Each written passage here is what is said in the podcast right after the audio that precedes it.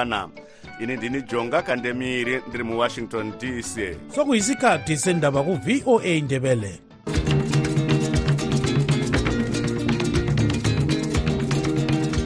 amatshono zihlobo siyalamukela kuhlelo lwethu lwezindaba eziphathelane lezimbabwe. Kustudio 7 eye voice of america sisakaza sisewashington dc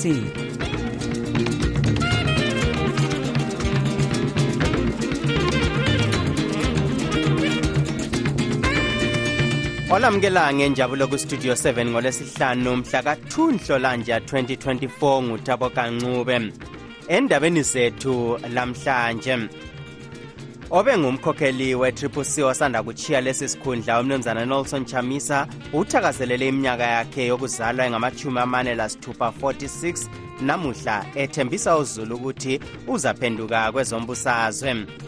Uzulu ezigabeni eziyisithupha uyavota kusasa ukhetho lwama-bi-elections olokudinga abameli bedale lephalamende abatsha kulandela ukuxotshiswa kwalabo ababekhona be-triple c ngumnumzana sengezo chabango inhlanganiso yomanyano amazwe asezansi ye-afrika eyesadic iqhube umhlangano wokuhlaziya udubo lwekholera oluhlasele amazwe agoqela imozambique tanzania zambia lezimbabwe. Zonke lezi ndaba lezinye lizozizwa kulumsakazo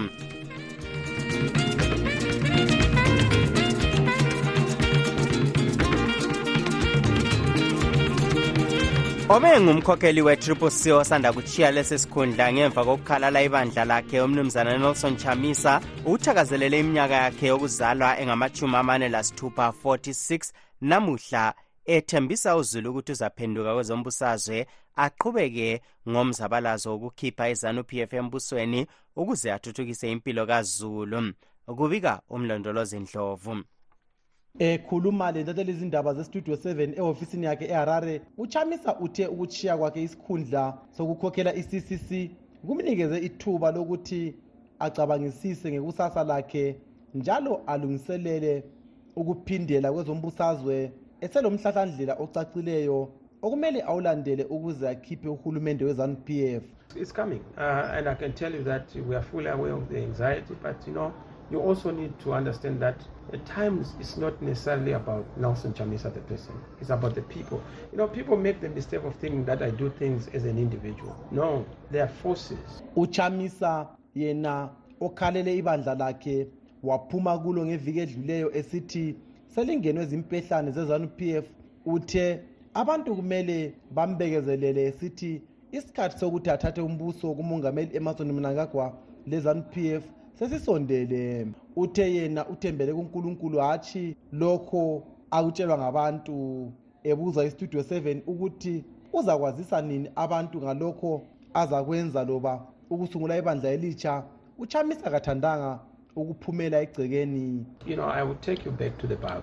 Uh, whenever God is about to bless a nation, to bless a, a people, they are forced to separate from certain of their, you know, comfort zones. abahlaziya ezombusazwe bathi kuza kuba nzima ukuba uchamisa asungile ibandla elingcono kulele ccc ngoba ukhanya engubaba ohlala ebaleka echiya abantwana bodwa kungangena inyoka ngekhaya nanku wabalekela i-mdc alliance esesiyabumba i-ccc yona aseyikhalele njalo ngemva kokuyihluthunelwa ngumnumzana sengezo chabangu omunye wabalombono lo ngumnumzana teddy ncube osebenza lenhlanganiso ye-leaders for africa network inkulumo kamnuchamisa nje kayisethusi yinkulumo endala kaqali ukuyikhuluma.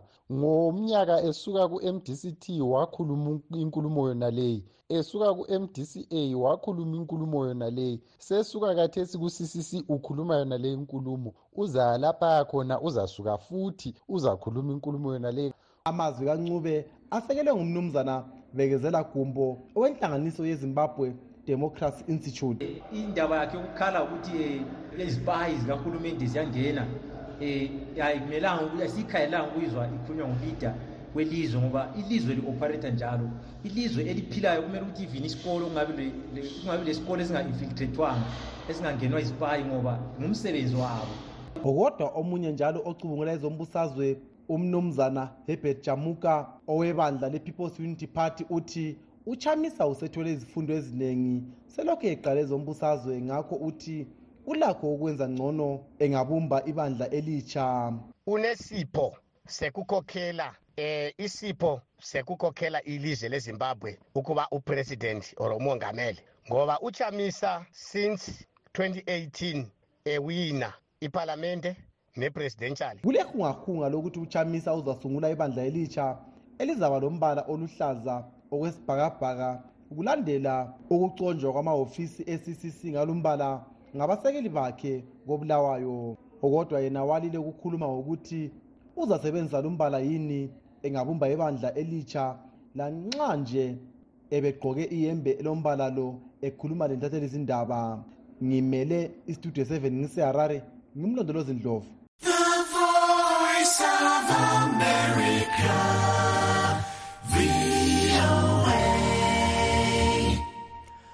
Uzulu ezigabeni eziyisithupha uyavota kusasa kukhetho lama-by-elections olokudinga abameli bedale lephalamende abatsha kulandela ukuxotshiswa kwabo kwalabo ababekhona be-triple c ngumnumzana sengezo chabango umthethwandaba we-high court walile namuhla ukuvumela amanye amalunga e-triple c edlula amachumi amabili ukuthi ancintise kulolu khetho. U-anastasia ndlovu sipha lolu daba ukhetho lwakusasa luza kwenziwa ezigabeni ezibalisa iphelandaba chabalala imkhoba north ichegudu west izvimba east iseke lasegoromonzi south. Ikhomishini ebona ngezokhetho ezimbabwe electoral commission ithi isilungele ukuqhuba lolu khetho lapho ibandla lezanu p f elikhangelelwe ukunqoba ngoba amalunga ebandla le-ccc ebelisekelwa ngumnumzana nelson chamisa yena osephume kuleli bandla eyalisiwe ukuncintisa yimithethwandaba ngemva kokuvinjwa ngumnumzana sengezo chabangu yena ongunobhala jikelele we-ccc lokhu kutsho ukuthi abazancintisa kusasa ngabecele le-ccc elisekela uchabangu abezanu pf kanye lamalunga azimeleyo. Iningi lithi kusobala ukuthi ibandla lezanu pf lizanqoba kusasa okuzadala ukuthi lithole izihlalo ezenelayo ephalamende ezilipha amandla okuguqula imithetho kanye lesisekelo sombuso welizwe santando i-two-thirds majority. Isakhamuzi sakobulawayo umnumzana maluba mhlaba usola amabandla aphikisayo ngokulwisana wona wodwa ikakhulu ele-ccc i-state uh, of the opposition parties now in zimbabwe ingenye indlela imamvemve. Eh okungadala ukuthi izanu igcine ithola i-two-third majority. Ohlaziya ezombusazwe umnumzana efincube laye uthi ukhathazekile ngezombusazwe elizweni njalo uthi ngabe umthetho wokuxotshisa amalunga ephalamende uyaguqulwa? Iqakathekileyo ukuthi kulungiswe indaba lezi zama-recalls lapho konke kube yinto ezakwenza ukuthi kube lula ukuthi abantu bezimbabwe bavumelane ukuthi indlela yokusebenza kuyiwa phambili yiphi kodwa kulabanye abakhanya beledlabuzane lokuyavota kusasa abafana lesakhamuzi sephelandaba chabalala umnumzana moses moyo. Hayi mina ngihambile sibili ngahamba ngachecka ibizo lami kuvoters roll hayi likhona kuhle sibili amalungiselelo okuyavota hayi selungiselele kuhle sizahamba kusasa siyevota.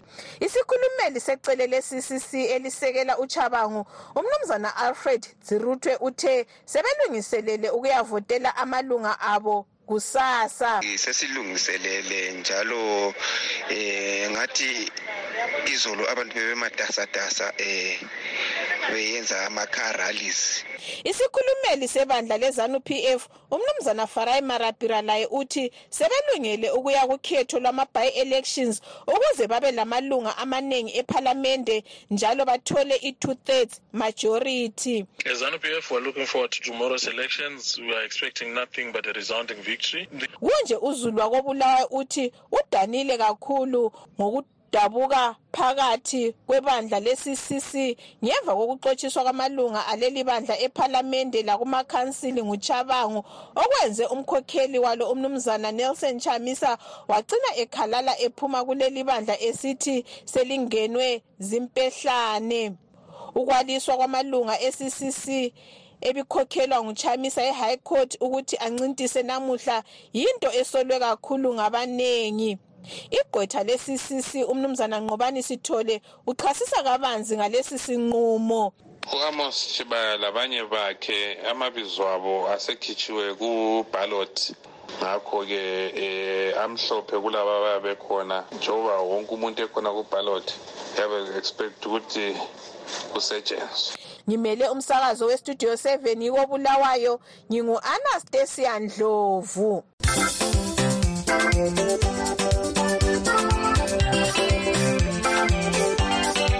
inhlanganiso yomanyano wamazwe asemhlubuneni wangezansi yezwekazi le-afrika yesadik iqhube umhlangano enkundleni zokuxhumana ezebulenjini wokuhlaziya udubo lomkhuhlane wesihudo sekholera osubhahile emazweni agoqela imozambique tanzania zambia lezimbabwe. Umongameli emerson mnangagwa ongenela umhlangano uthi kuqakathekile ukuthi amazwe awesadik asebenzele ndawonye ekulwiseni lomkhuhlane. While we take note of existing response initiatives and efforts laloba kulenhlelo eseziqhutshiwe sikubona kuqakathekile ukuthi sithuthukise ukusebenzela ndawonye phakathi kwamazwe ethu ikakhulu ngalesi sikhathi sikhangelane lobunzima bokuguquka komumo womkhathi ukuswelakala kwamanzi ukuthwalwa kwengcekeza kanye lokuhlanzeka to the need for integrating broad aspects of climate change resilience, water, sanitation, and hygiene, as well as disaster risk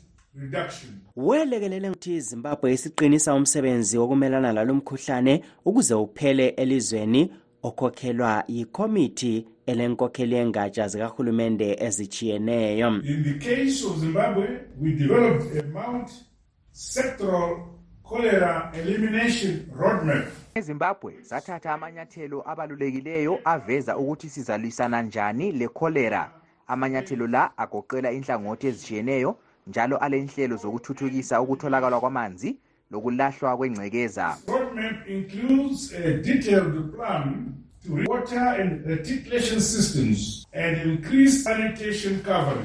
Umgcini sihlalo wekomiti yedala lephalamende obona ngezempilakahle umnumzana daniel molokeli uthe bazakhuthaza uhulumende ukuthi alandele izinqumo ezithethwe yilo mhlangano thina njengama-parliamentarians ukuthi izibopho izinqumo abaphumelazo bangaphonguzenza kuma-summit kodwa baqhubele phambili emazweni abo bazilandele so kungumlando wethu ukuthi njengathi ngapha edaleni lephalamenti lezimbabwe siqinise ukuthini uhulumende uzalandela izinqumo lezi wenza ukuthi ikholera ingabulali abantu ezimbabwe abaningi ngoba imkhuhlane okwanisa ukubulala abantu abaningi njenge-covid ukansila kaward 9 kobulawayo umnumzana donaldson mabutho uthe kule ndingeko yokuthi uhulumende afake eceleni imali yokulwisana lo mkhuhlane lo kulandela isinqumo sesadik esokuthi kwengezwe imali zempilakahle emazweni akulomhlubulo. Imali yinto eqakathekileyo and ukuthi abantu beze bethole impilakahle besizwa kungaba kusezibhedlela kungaba yikuthenga-ke esithi ngama-disinfectants isepa ini ezivikela-ke ukuthi umkhuhlane lo ungamametheki.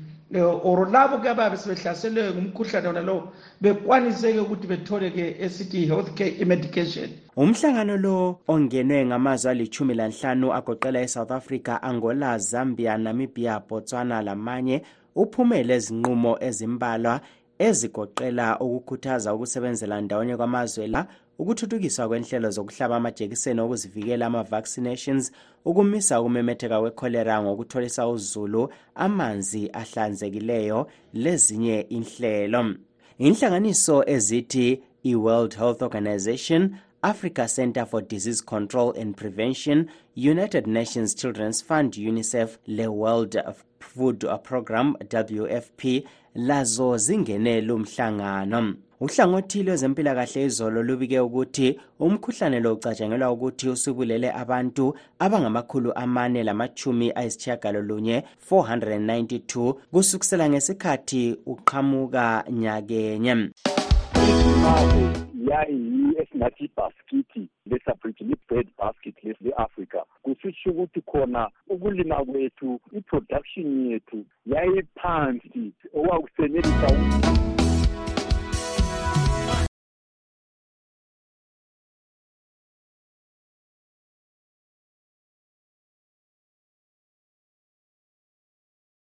Thank you.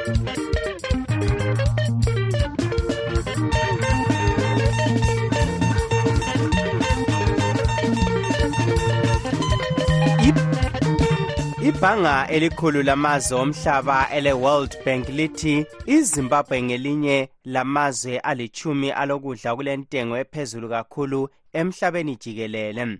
Amanye ala mazwe agoqela elangetina egypt vietnam palestine malawi lebanon burundi leturkey lumbiko uza ngesikhathi uhulumende wezimbabwe azise izolo ukuthi usebuyisele umthelo we-import duty phezu kwempahla lokudla okuthengwa phandle kwelizwe. Ingcwethi kwezenotho zithi lokhu kuzabangela ukukhuphuka kwentengo yezinto lezi. Sixoxe lenye yalezi ngcwethi umnumzana rejoyce ngwenya ngodaba lolu izimbabwe yayiyi esingathi ibhaskithi lesabridge li-bread basket le-africa kusitsho ukuthi khona ukulima kwethu i-production yethu yayiphansi. Okwakusenelisa ukuthi sithengise ukudla kwethu ngaphandle kwelizwe sizuze imali yangaphandle kwelizwe sibe le-access lapha ezimbabwe so okwakhathesi njengoba imali yethu amadola yethu ezimbabwe esengasaqinanga kutsho ukuthi sisebenzisa imali yangaphandle ukuthenga izimpahla i-equipment eyokusebenzisa ukulungisa ukulima ukudla kwethu. Yothiwa ethiwa khona ngesikhiwa import push inflation ukwenza kwenza ukuthi ukudla kwethu kudule singenelisi ukulima ukudla kulentengo ephansi. Nxa sikhangela amazwe wonke la singathi kule common denominator yini? Kukhona okukodwa okwenza ukudla kudule kakhulu kulawa mazwe yini okufananayo emazweni wonke la? Ungazunanzelele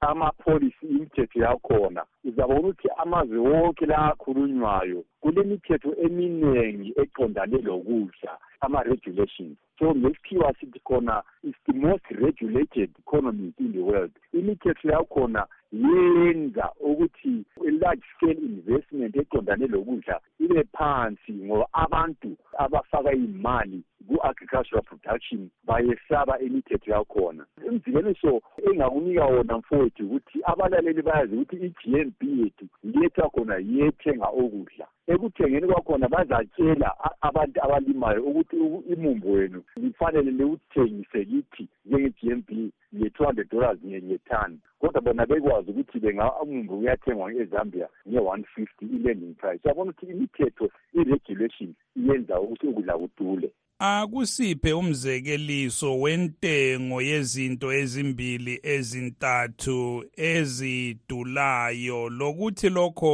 kulomthelela bani empilweni kazulu? Ngizakunika umzekeliso wezambia ukuthi izambia ipetrol kumbe amafutha abathengayo ngoba amafutha yiwo andise ukukhweza ama-cost e-production ungazibona ukuthi thina ipetrol yethu lidizeli yethu sithenga nge-one point sixty five or one point fifty US dollars. Kodwa ama-zambians abathenga i-fuel isedlula kumabhoda yethu iyabe ichiphile ngani? Kutsho ukuthi into yonke ehambelana le-food production i-transport ama-cost akhona. Ngizabona ukuthi impuphu yethu lapha ezambia nxa khona kuthiwa khona i-ten dollars yi-four dollars fifty ngapha iyabe yi-seven dollars. Ungazikhangele futhi lo get irrigation um eyomumbu um ekuthelela ingqoloyi. Amagetsi yethu esiwabhadalayo thina ayabe ephezulu. Kutsho ukuthi isinkwa sethu esisithengisa thina nge-one dollar twenty ngelof ezimbabwe e-south africa sebe siyi-fifty eighty cents ezambia sebe siyi-ninety cents kumbe idola umnumzana rejoyce ngwenya ucubungule ezenotho njalo ngoyenhlanganiso ye-coalition for market and liberal solutions. Ubexoxa lo ntungameli nkomo owestudio 7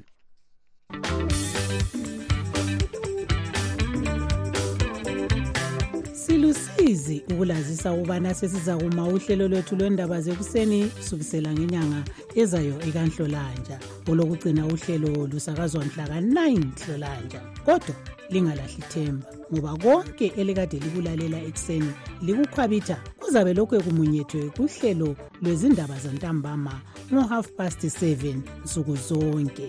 Sikhumbuzane sihlobo ukubana lanxa ungakhuthwa luhlelo lwezindaba luka-half past 7 ntambama ulakho ukululalela lapho soluphindwa ngo-half past 9 ntambama lango-half past 11 ebusuku. Siyalibonga ngokuqhubeka lisekela inhlelo zethu ze-studio 7 eye-voice of america.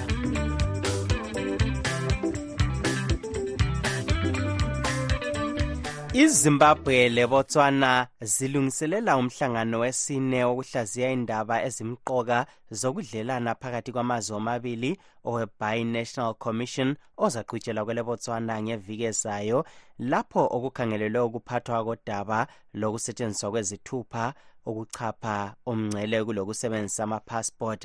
Intatheli izindaba yestudio 7 umqondisi edube usipha lolu daba esehabron kwelebotswana. Ubudlelwano phakathi kwezimbabwe lebotswana buyabuqina lokhe kwangena embusweni umongameli mukhwetsi masisi esihlalweni ngomnyaka ka-2019 kwakungela kuzwana ikakhulu phakathi kwenkokheli yasembusweni ngaphambili kukamasisi lomongameli emerson mnangagwa kuseselwa bomnumzana robert mugabe lo-ian khama. Kodwa khathesi umasisi lomnangagwa bakhanya sebengamathi lolimi ubudlelwano busiya buqina umhlangano webi national commission ozathatha iviki lonke edolobheni emaweni kwelebotswana ngeviki ezayo utshengisa ukuqina kobudlelwano phakathi kwamazwe omabili. Ngaphambi komhlangano lo umnangagwa uthumele inhloli yakhe usiphathamandla ku-ofisi ebona ngendaba zikamongameli udokotela simbarashi mumbengegwi uzahlangana lomasisi umasisi utshele umbengegwi ukuthi elebotswana lisuke lilahlele ezimbabwe njalo lizaqhubeka lwelo kwesulwa kwezijeziso zenotho ezetheswa amanye amalunga kahulumende kamnangagwa ngamazwe angentshonalanga ocubungula ezomnotho umnumzana andreas sibanda uthi kuqakathekile ukuthi amazwe amabili akhulume kakhulu ngendlela angathuthukisa ezamabhizimusi lokungena kalula kwempahla phakathi kwamazwe lawa.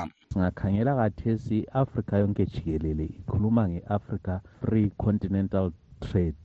Manje thina sengomakhelwane sakhiseni nxa sisehluleka ukuthi sithengiselane or sikwanise ukuthengisa kungela okusihluphayo phakathi kwamabizwe amabili. Inhlanganiso encedisa ukuthuthukisa ezamabhizimusi ezimtrade izakhokhela iqula lamankampani azabukisa kumpikiso ozagijima nxele kulo mhlangano we-bi-national commission.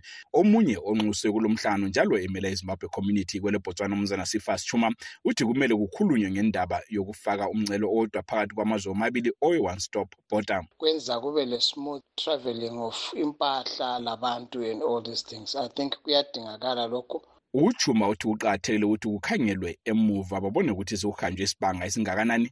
Lokhe kwabanjwa i-bi-national commission yokuqala eminyakeni emine edluleyo. Kodwa abacumula ezombusazwe abafana lomnumzana efidlela ncube bathi ubudlelwane phakathi kukamnangagwa lomasisi kumele buqale ukuletha inzuzo ebantwini mahlayana. Abantu bezimbabwe bekhangelela ukuthi ubudlelwane lobu ngalesi sikhathi bube sebuthele izithelo ezinkulu uncube njalo uthi kumele kukhulunyiswane kukhuzwane uma kukhona ongahambi kuhle kwelinye ilizwe okufana lokwephulwa kwelungelo loluntu ocubungula ezombusazwe kwelebotswana ezimele umnumzana mulimi isaac. Laye uthi kuqakathekile ukuthi imizamo yabomongameli ilethe inzuzo kuzulu jikelele We appreciate the close bilateral relations. siyakubongela okwenziwa ngumongameli kodwa akube lezithelo kuzulu njalo kulodaba lokusebenzisa izithupha ukuchapha umngcele. Lolu daba lukhangelelwe ngabaningi imizamo yokuthi kuqalwe masinya ukusetshenziswa izithupha kuchapha imingcele yatshana lemigoqo nyakenye ngesikhathi idale lephalamende liphikisa umbono wabomongameli bobabili besithi kungadala ukugcwala kwabezimbabwe kwelelo lizwe ngingumqondisi dube zestudio 7 ngisabron It was a was a Friday, my darling. Was a Friday. kuhlelo woza friday liviki sihamba leqembu lomdumo we-hip hop elizibiza ngokuthi proudly ndebele children leli qembu licula likwele south africa nangumkhokheli walo ubhekuthando siwela exoxa lontungameli nkomo westudio 7 Oh yeah, bakhula befihla laba bantu oh yeah. Bakhula befihla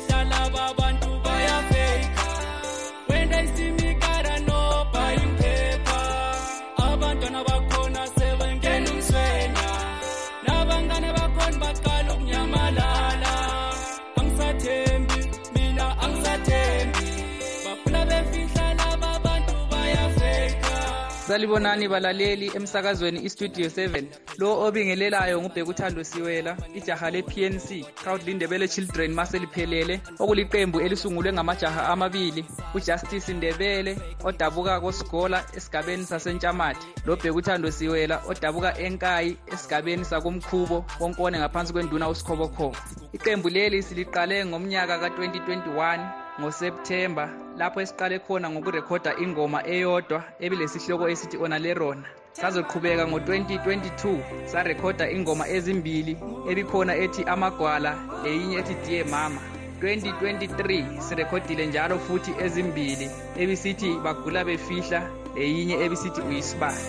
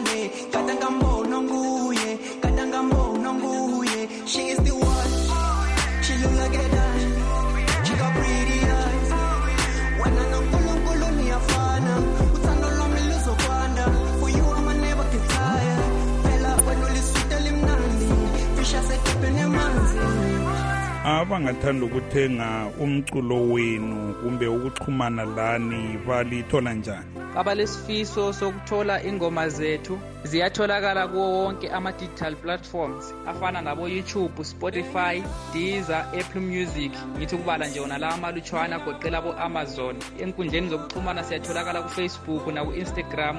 Nakubo-tiktok nge-proudly ndebele children pnc inombolo esizisebenzisa kuwhatsapp ngezasezim zithi zona plus 263 71 46 54 133 then ezocingo uma ufuna ukufona zithi zona plus 27 78 950 0308 ezinye zakhona zithi zona plus 27 60 139 3483 abalandeli ubachiyela wapha mazwi kulabo abanelisayo ukuthi bahambe bayobheka ingoma zethu kuma-digital platforms. Bafike bastreame badawunlode lapho kuvuma khona. Siyathembisa futhi njalo kulo nyaka ka-2024 ukuthi khona imisebenzi elandelayo. Sizaqala ngomusic video wengoma esikhiphe ngonyaka ka-2023 ngodisemba ethi uyisibane. Sesizolandela futhi njalo nge-ep elilesihloko esithi impi yomndeni okuyilo esisebenza kulo njengamanje lizophuma phakathi kwalonyaka ka-2024 thina sihambile amagwala thina sihambile amagwala phela sihambi namagwala thina sihambi namagwala noma kunzima qinisela kunjalo kunzima bekezela ngoba sihambi namagwala thina sihambi namagwala qinisela wemntanami ungasabi. Etshalmana ikinsimbi engagobi qina qina mntanam mama wangitshela wathi masekusa uyakhula umnyama. Noma kunzima empilweni kahle ngicela ungalahli ithemba bathi umqanso udala umehlo njalo ubumnandi buvele emthulukweni cela wena ubekezela sekuseduze empumelelweni. Sekusele kancane nje cela uguqukhuleke.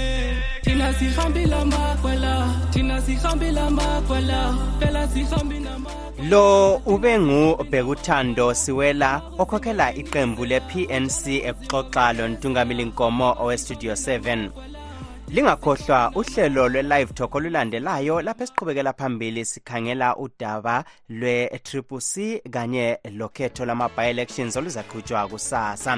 Singakehlukani izihlobo sikhangele ebezikhokhela umnumzana nelson chamisa namhlanje ubethakazelela iminyaka engu-46 ezelwe ethembisa ukuthi uzaphenduka kwezombusazwe. Silugqiba-ke lapha uhlelo lwethu lanamhlanje olivalelisayo ngutabo kancube